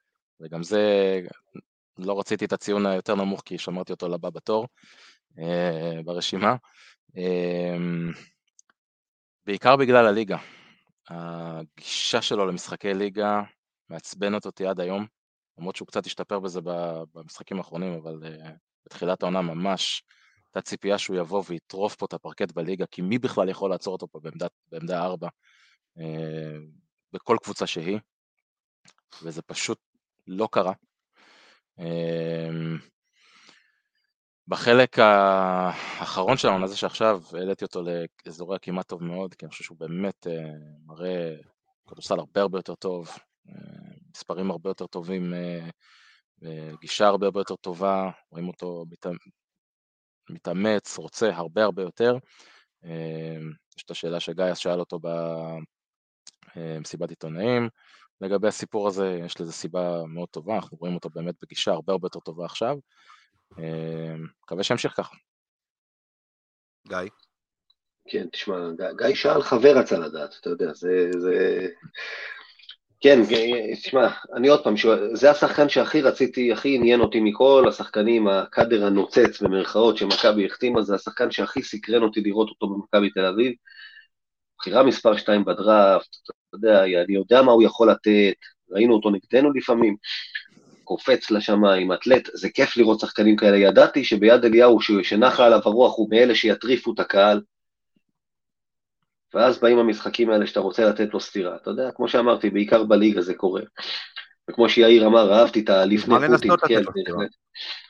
לא, זה קשה להגיע. תשמע, אה, בוא, אתה יודע, האיש גדול, או, לחצתי לו את היד אחרי אותה שאלה, הכף יד שלו, נעלמתי לו בתוך הכף יד, רק כולי בערך, הוא ענק. אתה לא רוצה לתת לו ספירה, זה נכון. אה, אבל אה, הייתי אומר באמת ככה, על הליגה הוא מקבל אצלי ציון של, אה, ציון של מספיק, על היורוליג, בטוטל, בטח על התקופה האחרונה עם הכל, אז הוא מקבל טוב. מה הממוצע? כמעט טוב. האיש, איך אומרים, לאיש, לתלמיד יש פוטנציאל, אך הוא לא ממצה אותו. כן, את זה גם ב-NBA יודעים, כן? בדיוק. נכון, נכון, בכל מקום בערך שהוא היה בו, אני חושב שהיו אומרים עליו את המשפט הזה, צריך לומר. אגב, לדעתי אמיר כן רוצה לתת לו סטירה, אבל רוצה לתת לו סטירה ואז להצביע עליך, גיא. אה, כן, לא, לא, לבוא לתת לו ככה, ואז... אגב, אגב, הילדות שלנו, כן, אנחנו מזכירים כן. פה עכשיו. אה, כן, כן, אה, אנחנו זקנים. כן, ממש זקנים. אה, טוב, אצלי הציון הוא טוב. הוא טוב, כי הוא היה חלק אינטגרלי, מה שנקרא, מהריצה שלנו בפתיחת העונה. הוא, הוא, הוא בערך נראה כמו שהקבוצה נראית, זאת אומרת שהקבוצה נראתה טוב, הוא היה טוב, הוא היה חלק באמת חשוב. כשהקבוצה נכנסה למשבר, הוא נכנס איתה למשבר. זה, זה בסופו של דבר, כן, רואים את השינוי אצלו, כמו שאמרתם, גם במשחקי הליגה. אה, בתקופה האחרונה, שוב, אה, דיברנו וכתב, וכתבנו על זה מספיק, זה באמת פשוט בגלל סגנון המשחק שהשתנה ומתאים לו יותר, אז הוא גם נראה יותר טוב. אה, הציון שאני נותן לו הוא ציון טוב. אמור להיות יותר גבוה. אמור להיות יותר גבוה, אני מקווה שבסיכום העונה נוכל לתת לו ציון יותר גבוה, כי באמת, זה, שחק... זה השחקן שבשבילו קונים כרטיס בסופו של דבר. זה השחקן ש... שאותו אתה, בשבילו אתה תקום בלילה לראות אותו ב-NBA, אלה, זה, זה, זה, זה סגנון השחקן, פשוט. כן, סוג של ברומטר מנטלי של הקבוצה הזאת, ממש. סוג של, כן, אפשר, אפשר להגדיר את זה ככה. אה, את הבא בתור אני אתן לך להתחיל יאיר, כי נראה לי זה הולך להיות מעניין. אנחנו במספר שמונה. האיש באינטליגנציה. ג'יילן. אני מרגיש כמו הצגת שחקנים, אה, כן, בדיוק. אה, אני... איך לא חשבנו על זה? כן, אה?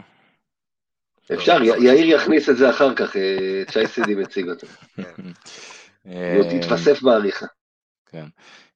אני ג'ליאן רנולדס מאוד אוהב מבחינת איך איך אני אסביר את זה, הגישה שלו למשחק, העובדה שהוא חי את המשחק כל כך הרבה. אני אוהב לראות שחקנים שאתה רואה שהם לגמרי שם. אוקיי? אפילו שהוא חוגג קצת יותר מדי אחרי כל סל, ולפעמים זה גם קצת מוציא אותו מריכוז, וכולנו יודעים את הבעיה שלו בלקבל טכניות ככה, אבל אני מאוד אוהב את הגישה החייתית שלו למשחק, ולכן תחילת העונה שלו הייתה סופר מאכזבת בעיניי, נתתי לו ציון של נכשל. לא סיפק את, אה, כאילו לא מצא את המקום שלו בקבוצה ולא באמת סיפק את התפקיד שלו כמו שהיה צריך בהרבה מאוד משחקים. אה, גם הוא חלק מאותה שלישיית אה, סבוטאז' כמו שגיא קורא להם, ראינו את זה גם... שלישיית מה קשור, מה קשור לכדורסל. שלישיית מה קשור לכדורסל לפעמים, כן. מצד שני, עוד פעם, סיום עונה סדירה מאוד מרשים, נתתי לו טוב מאוד. אה, משחק מאוד מאוד טוב בשבועיים שלושה האחרונים, אה, מספרים יפים, נוכחות יפה, אה, מקווה מאוד מאוד שהוא ימשיך ככה עד, עד סוף העונה. רגע, אז מה היה הציון הכולל סך הכל?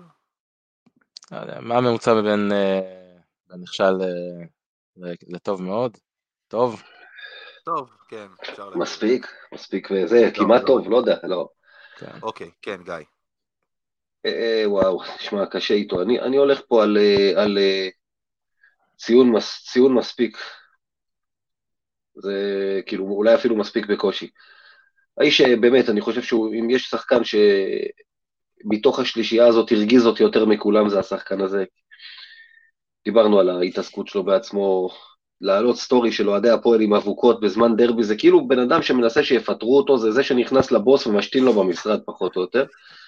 זה, זה הייתה ההתנהגות, ומישהו כזה, גם אם הם ניסו לגרום למאמן ללכת, ואחרי שהמאמן הלך שינה גישה, איך, זה, זה, לא, זה לא מצדיק מבחינתי, גישה זלזול כזה באוהדים, זה לפני היכולות המקצועיות שלו, שהוא פשוט לא טרח להראות אותם.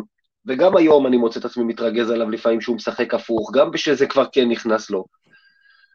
אה, אני חושב שאתה יודע, אנחנו נגיע לז'יז'יץ', שיש עליו אה, קונצנזוס הרבה יותר רחב שהוא צריך להמשיך, מכבי לא תוכל להמשיך עם שני סנטרים כאלה, היא צריכה מישהו שיותר מגן על הטבעת, ומבחינתי אין שאלה, הראשון מתוך השחקנים של מכבי שאני אומר, צריך להחליף אותו, זה השחקן הזה. אוקיי. Uh, הציון שלי, שאני נותן לו, הוא uh, כמעט טוב. שוב, בגלל התקופה האחרונה, זה, זה משהו שצריך לשים עליו דגש ולראות, לבוא ולהגיד, כאילו עוד פעם, התקופה הזאת, זו תקופה, בוא נגיד ככה, זה המאני טיים של העונה, בסופו של דבר. ונכון שהוא מאוד הרגיז ומאוד מאוד, והוא עדיין אגב מרגיז, הרבה בסגנון המשחק שלו, אבל הוא שחקן טוב. הוא שחקן טוב ויש לו את, ה, את, את מה שצריך באמת בשביל לעזור למכבי, אה, להצליח בעונה הזאת, וכמו שאתה אמרת יאיר, הוא מראה את זה בשבועות האחרונים, בגלל זה זה כמעט טוב, אחרת זה היה אפילו, אפילו לא מספיק, אלא מתחת לזה. טוב, שחקן הבא. השחקן הבא שאנחנו מדברים עליו אה, אה, הוא רומן סורקין, שפספס לא מעט מהעונה הזו, פציעות, אה, יובש לא מעט, אה, לא בצדק, לדעתי. ממש לא בצדק, אה, והציון שאני נותן לו הוא טוב, בגלל הליגה, בגלל שבליגה הוא כן מראה מה הוא יודע, וגם ביורוליגה אגב, כשהוא קיבל דקות, הוא הראה מה הוא יודע. זה שחקן אה, עונה ראשונה במכבי, עונה ראשונה ביורוליג. הציון שאני נותן לו הוא טוב. כן, יאיר.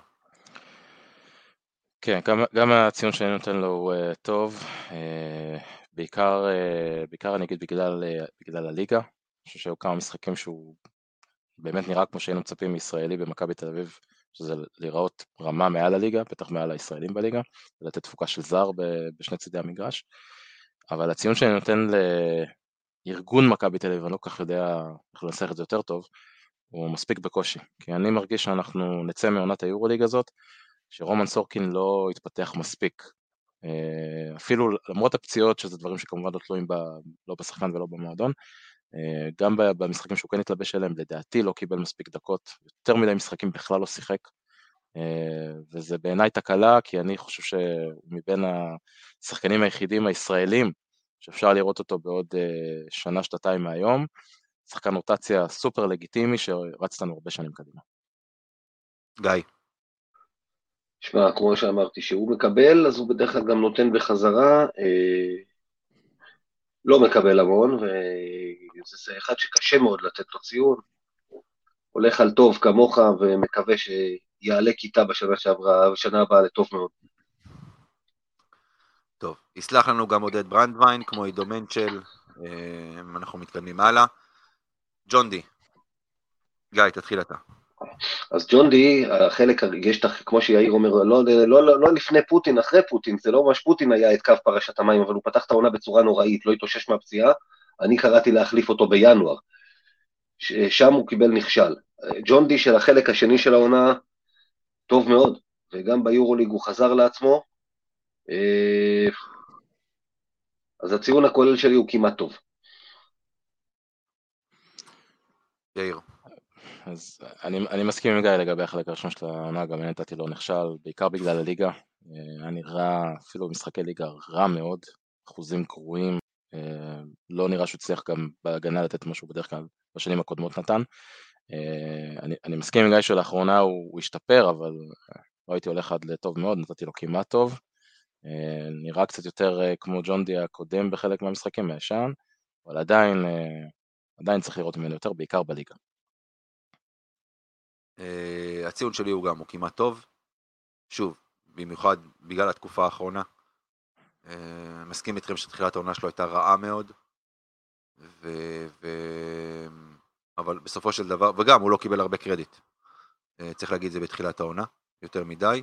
הוא לא היה חלק מהרוטציה ביורוליג, לאורך תקופה לא קצרה, אבל באמת, שוב, יחד עם כל הקבוצה בשבועות האחרונים, הוא מראה שיפור. מבחינתי הציון שלו הוא כמעט טוב. נעבור הלאה.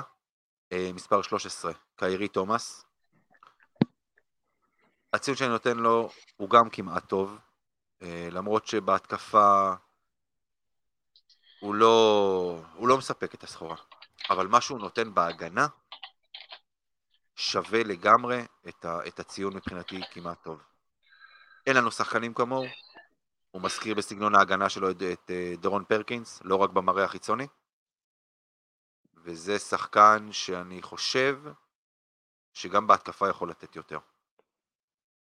אבל מה שהוא נותן בהגנה מבחינתי מצדיק את הציון כמעט טוב. יאיר. תראו, אני אגיד לכם את האמת, אני פחות שותף להייפ שיש סביבו מאז שהוא הגיע. אה, אני לא כל כך מצליח להבין את הדוקטורים שקוראים אה, להציל אותנו ממשהו. אה, לגביו. אמ,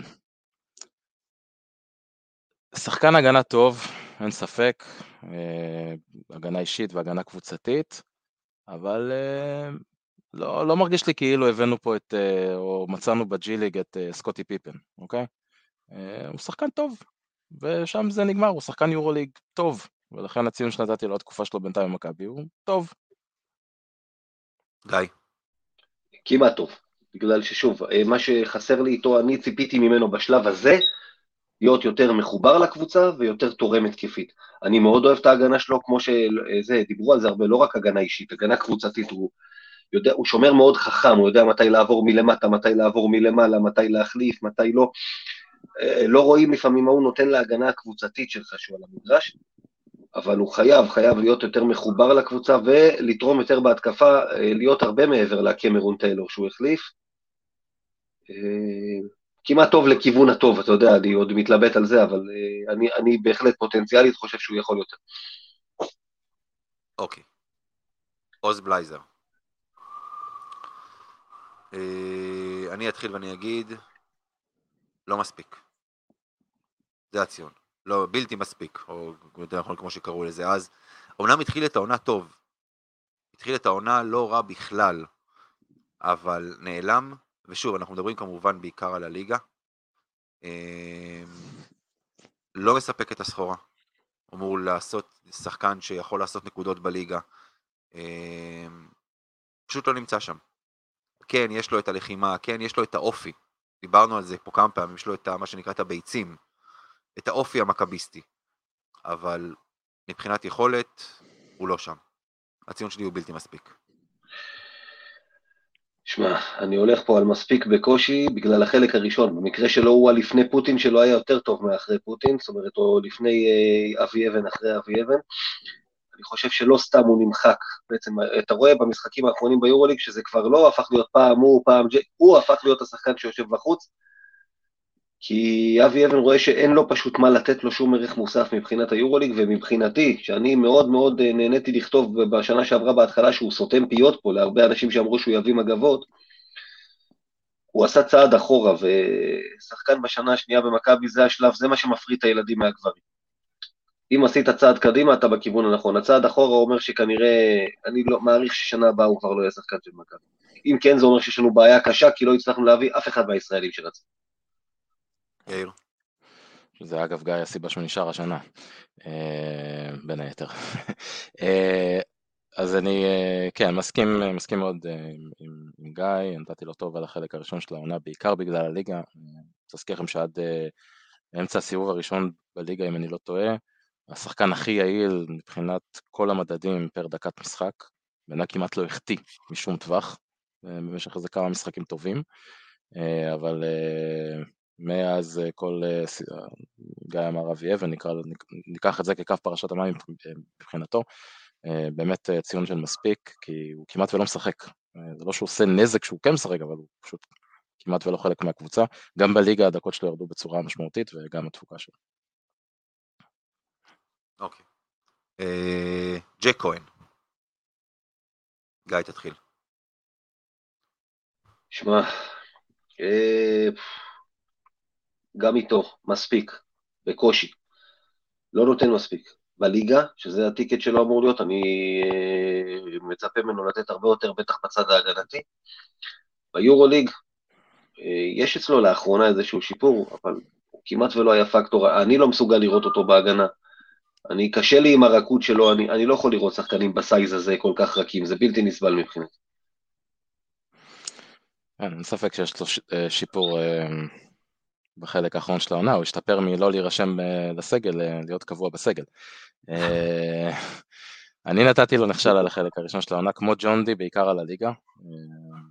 על אף כל מה שקורה ביורוליג, הציפייה ממנו הייתה שיראה שהוא ישראלי בכיר בליגה הזאת, זה לא קרה. קצת השתפר בחלק האחרון של העונה, העברתי אותו לכמעט טוב, אבל עדיין צריך לראות ממנו יותר בליגה, ולהוכיח שהוא צריך לקבל יותר הזדמנויות ביורוליג.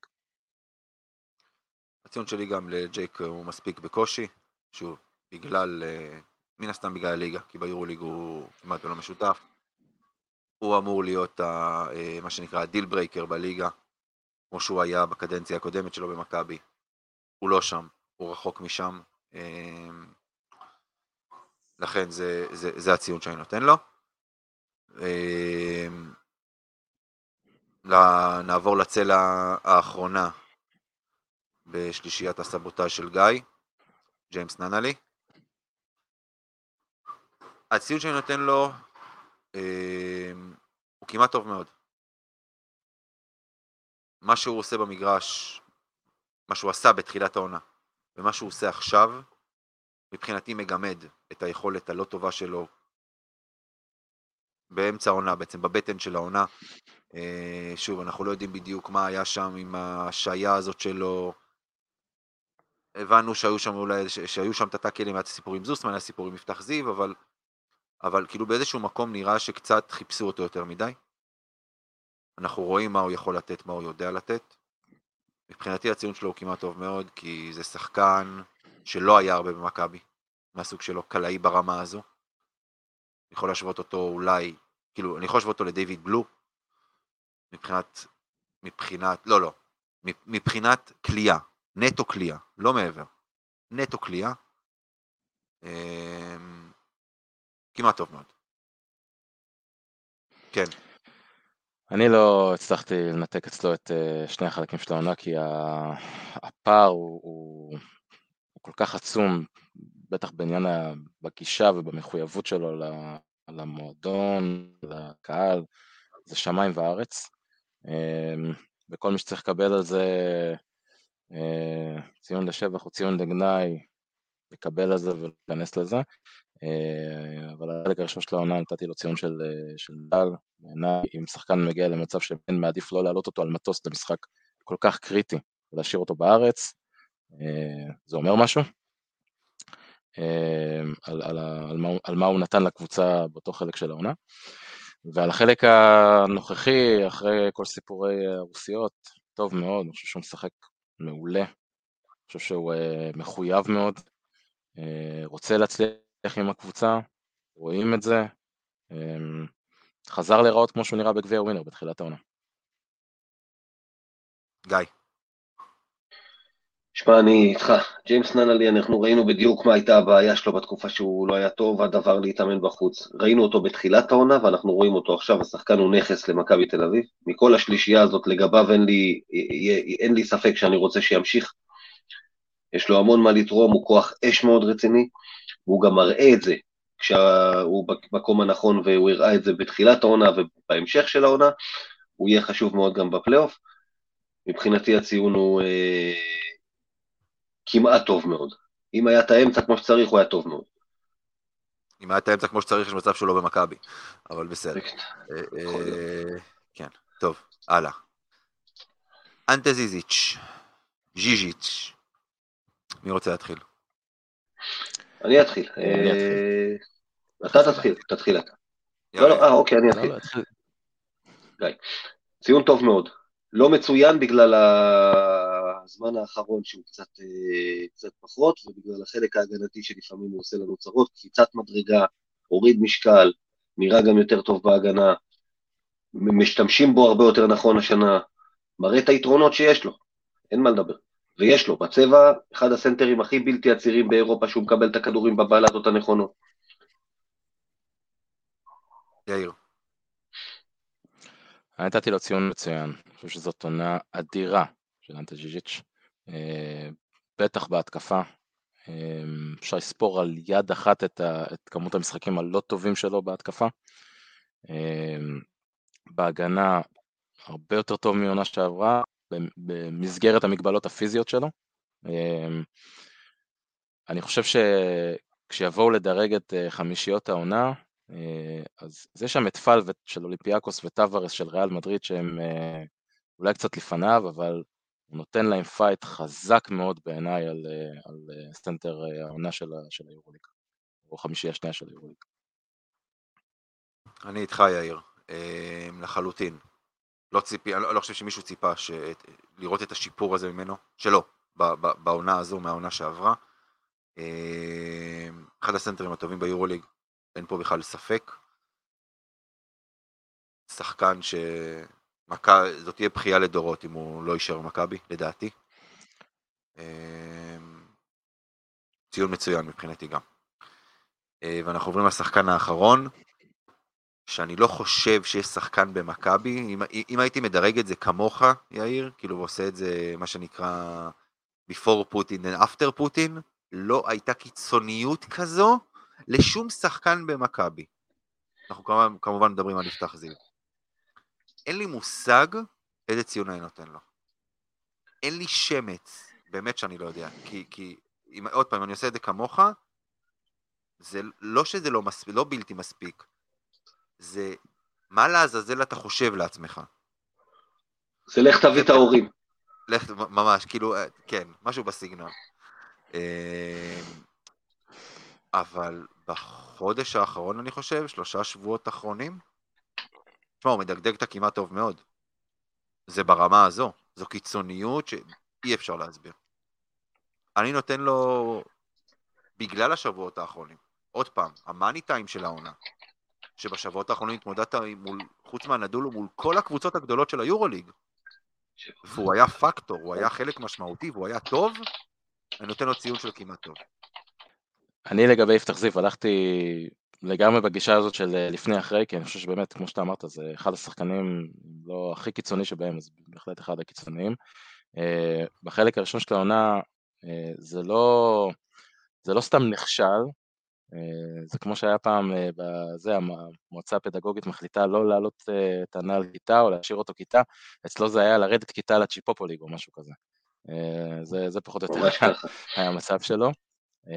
אבל בחלק האחרון של העונה, חד משמעית אה, כמעט טוב מאוד, נראה הרבה הרבה יותר כמו יפתח זיו של שנה שעברה, מבחינת הביטחון, שזה כנראה מרכיב מאוד קריטי אצלו, אה, ומבחינת אה, התפוקה ואיכשהו כנראה הרבה יותר מתחבר לסגנון המשחק הנוכחי שלנו, הרבה יותר מגרש פתוח, הרבה יותר, קצב הרבה יותר מהיר, הרבה יותר מתאים לו.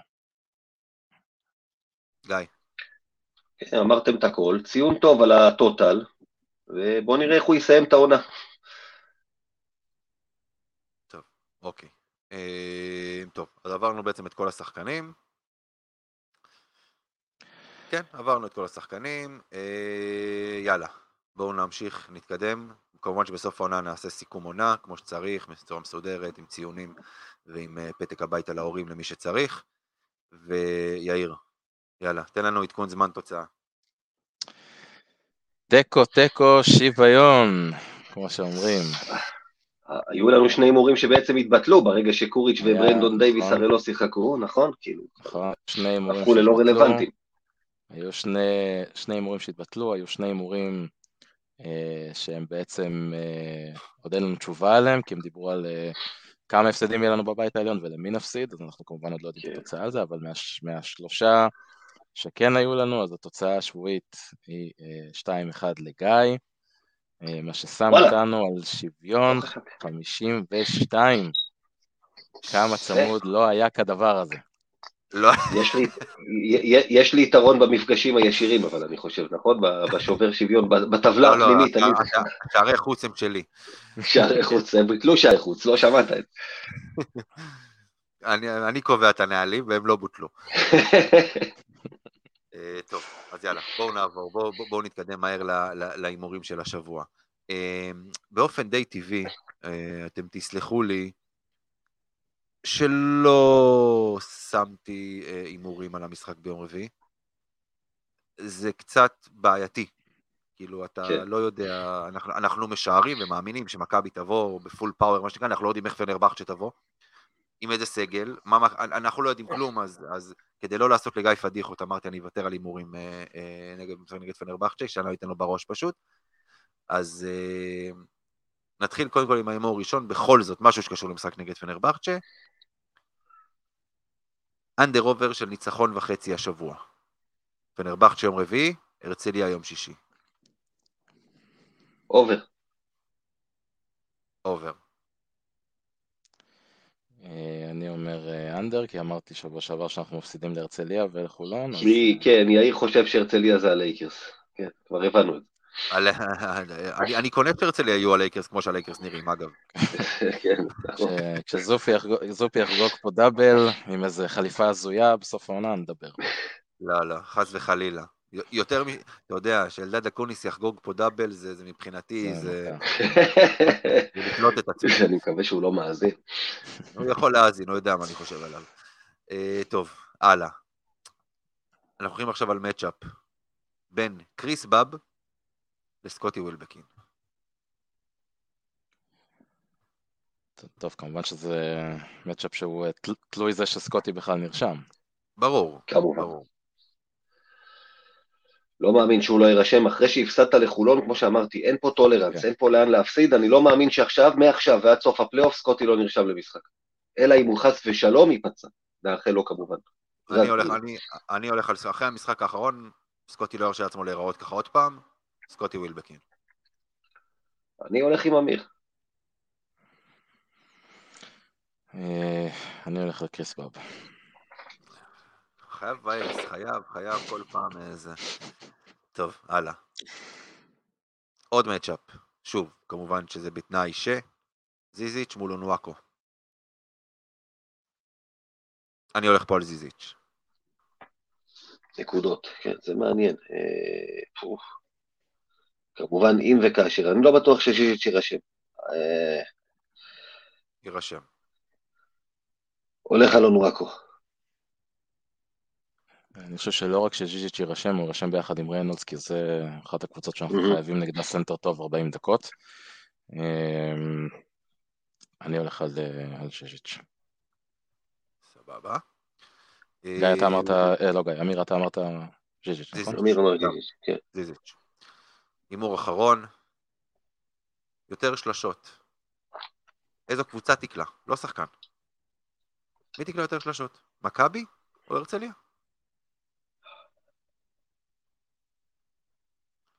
אני הולך על מכבי. כנ"ל, גם אני.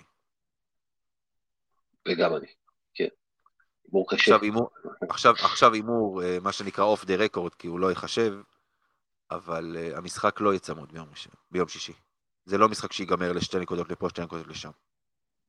אה, ייגמר חד ספרתי למכבי. משחק שישי בצהריים, זה משחק שישי בצהריים, זה לא משחק שאתה מפרק. אוקיי, בוא נראה. אחר כך שלא תבואו לבכות על למה זה לא נכנס להימורים. אמרת off the record. אמרתי, אני יודע אם יש לי פה עסק, נו. לא ייתן כלום, לא, לא, לא זורק עצם הדבר הזה פה. טוב, יאללה גיא, שלך. יפה, אז אנחנו מדברים. הפלייאוף מתקרב, היה לנו מקומות 5 ו-4 הפסדים בכבוד נקרא להם, הגענו למקומות 3 ו-2, ניצחונות בכבוד, המקום השלישי. גבירותיי ורבותיי, נא להדק חגורות, ממריאים למילאנו, פיינל פור מספר 12 עבור מכבי תל אביב. מאז עונת 2010-2011 היא לא הייתה שם, ומכבי חוזרת לאריות של אירופה. נס מילאנו. הסדרה מול מילאנו, 2013-2014, שהרבה בוודאי היו בטוחים שתהיה מקום ראשון, דיברנו עליה, אני, אני עוד מעט אסביר למה שתי הסדרות האחרות, אה, טוב, על הראשונה לא נדבר השבוע, למה הן מנצחות אותה. בכל אופן, למי שלא זוכר, למי שישן, למי שפספס, למי, כמו שאמיר, שטייל עם הכלב בזמן המשחק הראשון כבר, שחשב שהמשחק גמור, או כמו גיא, שהייתה לו הפסקת חשמל וראה את המשחק, אה, לא, הייתה, הייתה תקלה בכבלים וראית את המשחק במחשב, באתר של ערוץ 10, וברגע שנהיה הפרש גדול ויתרתי עליו. הגיע אותו משחק ראשון, שגם היום שנראה אלף פעם בשידור חוזר, לא נבין איך מכבי תל אביב הצליחה לנצח אותו. הגיע להערכה איכשהו עם טייריס רייס בדקות גדולות, וקיט לנגפורד, שכמו שאמיר אמר, צריך להיכנס להיכל המכבי. אה, מילאנו ניצחה די בקלות במשחק השני, ואז הגענו הביתה, שני ניצחונות ש... שאתה רואה את התקצירים שלהם הלכו יותר קשה ממה שאתה זוכר. כמו שיאיר הזכרת, במשחק הרביעי נגמר 20 הפרש, אבל רק ברבע האחרון ברחנו, אבל שורה תחתונה, ברחנו בשלישי, ברחנו ברביעי, עשינו את העבודה בבית, עלינו אה, לפיינל פור המיוחל, ואיך הוא נגמר עם עוד שני ניסים במילאנו, כולנו זוכרים. עכשיו למקום השני. שמונה שניות, שבע, שש, חמש שניות, ארבע, איזו דרמה, פרגו, פרגו, פרגו, נכנס! ווינר שוט של ג'רמי פרגו! נגמר, מכבי מנצחת בוויטוריה! סנסציה! מכבי מנצחת את אלופת ספרד בוויטוריה 83-81. מקום השני, למי שכבר ניחש, הסדרה מול בסקוניה. ויטוריה, אז טאו, ויטוריה, או לא, ככה לבורל ויטוריה בשמה של אז, 2010-11. גם 3-1, גם יתרון באיטיות לקבוצה השנייה. למה בעיניי הסדרה הזאת גדולה יותר? שתי סיבות. קודם כל שבעיניי, בלי 2010-2011, בלי הסדרה הזאת, לא היה נס מילאנו, לא, הייתה, לא היה ניצחון בסדרה מול מילאנו, כי מכבי תל אביב הגיעה עם אמונה מאוד גדולה לסדרה ההיא ב-2013-2014, כי היא ראתה שהיא יכולה לנצח גם בחוץ. הסדרה מול ויטוריה היא הסדרה הראשונה שמכבי תל אביב ניצחה בלי יתרון ביתיות בהיסטוריה. זה לא קרה קודם, בסדרה, וזה קרה רק פעם אחת מאז. צריך לומר שהיה לנו המון מזל, כי ממש בדקה ה-90, ויטוריה עברה את פנטינאיקוס בבית המקביל, וקיבלנו אותה ולא את פנטינאיקוס, אותה פנטינאיקוס שניצחה אותנו בגמר, ולא היינו עוברים בחיים את אוברדוביץ' בסדרה של הטוב מחמישה משחקים יתרון באיטיות שלהם באותה עונה. אז קיבלנו את ויטוריה ברגע האחרון, יריבה שהייתה בהחלט אווירה, וגם ראו ודיברו על זה. משחק ראשון הם מנצחים בשש, אבל הם שלטו לכל אורכו של המשחק. אז הגיע המשחק השני עם הסל הענק הזה של ג'רמי פרגו. אגב, סיפור אישי, אני טסתי לארצות הברית לחופשה. את המחצית הראשונה, שבה ירדנו בפיגור, ראיתי בנתב"ג. כשנחתתי התבשרתי שפרגו ניצח לנו את המשחק. משחקים שלוש וארבע הייתי בארצות הברית, לא היה סמארטפון, לא היה כלום, זה משחקים שהשלמתי אחר כך, אנחנו בדרכים, בלי אינטרנט, גם שעות אחרות לגמרי, זה ארצות הברית.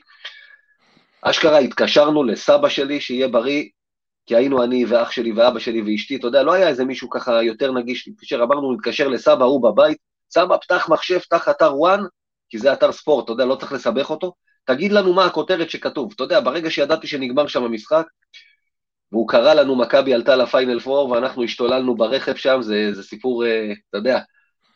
אבל uh, כמובן שגם שמעתי בדרך על הפציעה של פרקינס במשחק השלישי בסדרה הזאת, שבדיעבד יכול להיות שזה עשה את ההבדל בין uh, עונה נהדרת והירואית עם הפסד בגמר, לבין עוד גביע בארון. ועוד דבר קטן שאני מדרג את הסדרה הזאת יותר גדולה, כי אני מדרג את העונה הזאת יותר גדולה מ-2013-2014. בעיניי מכבי של 2010-2011 הייתה הרבה יותר מכבי. והרבה יותר גאווה להיות אוהד שלה מאשר הקבוצה של 2013-2014. חוץ מלעשות את ההישגים האלה באירופה, היא פירקה פה את הליגה בלי רחמים. 41 הפרש לירושלים בין היתר, ולא תבוסה ביתית משפילה של 28 הפרש, תבוסה הכי משפילה בהיסטוריה של מכבי שחטפה הקבוצה של 2013-2014. אז בשבוע הבא, מקום ראשון שזה לא משאיר לכם יותר מדי אופציות לניחושים. זה שווה דיון כל מה שאמרת פה, כי בסופו של דבר, אתה יודע, אם אתה מדרג קבוצה שהיא אלופת אירופה, אה, מול קבוצה שהפסידה בגמר, אבל בסדר, עוד פעם, זה, זה שווה דיון, זה שווה דיון, אבל לא היום, כי אנחנו קצת, אה, קצת מרחנו אתכם בזמנים. אה, אז אני רק אנחנו... רוצה להגיד כן. דבר אחד לגבי הסדרות האלה בהקשר של הפלייאוף שהולך להגיע.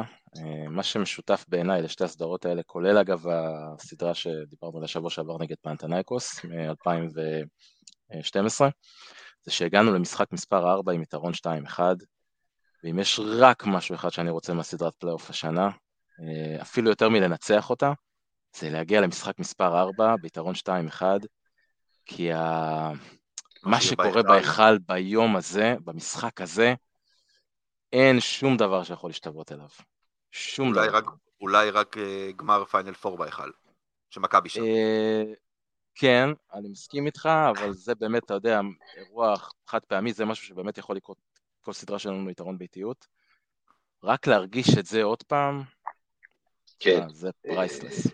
זה לא לישון, אני, אני זוכר את התחושה הזאת, כן. אני יכול, אני, אני יכול רק להגיד שכאילו, התחושה שאני מסתובב איתה כל היום, מהרגע שאני מתעורר בבוקר, אני זוכר את זה מה, מהמשחק הרביעי נגד מילאנו, זה כאב בטן תמידי. כל היום מתהפכת הבטן במשחק כזה. כן, אבל אז אתה מגיע להיכל והאנרגיות שיש שם. ברור, בטוח. העובדה שאתה יודע, ניצחון אחד אתה בפיינל פור, אין עוד משהו כזה. אני, אני, אני מסכים. אה, טוב, אז יאיר זרצקי וגל קופיצ'ינסקי, תודה רבה לכם. ואנחנו מתנצלים על זה שהפרק באמת נהיה אה, ארוך מדי. אז חפשו אותנו בפייסבוק, טוויטר, טלגרם, בכל מקום. יאללה מכבי.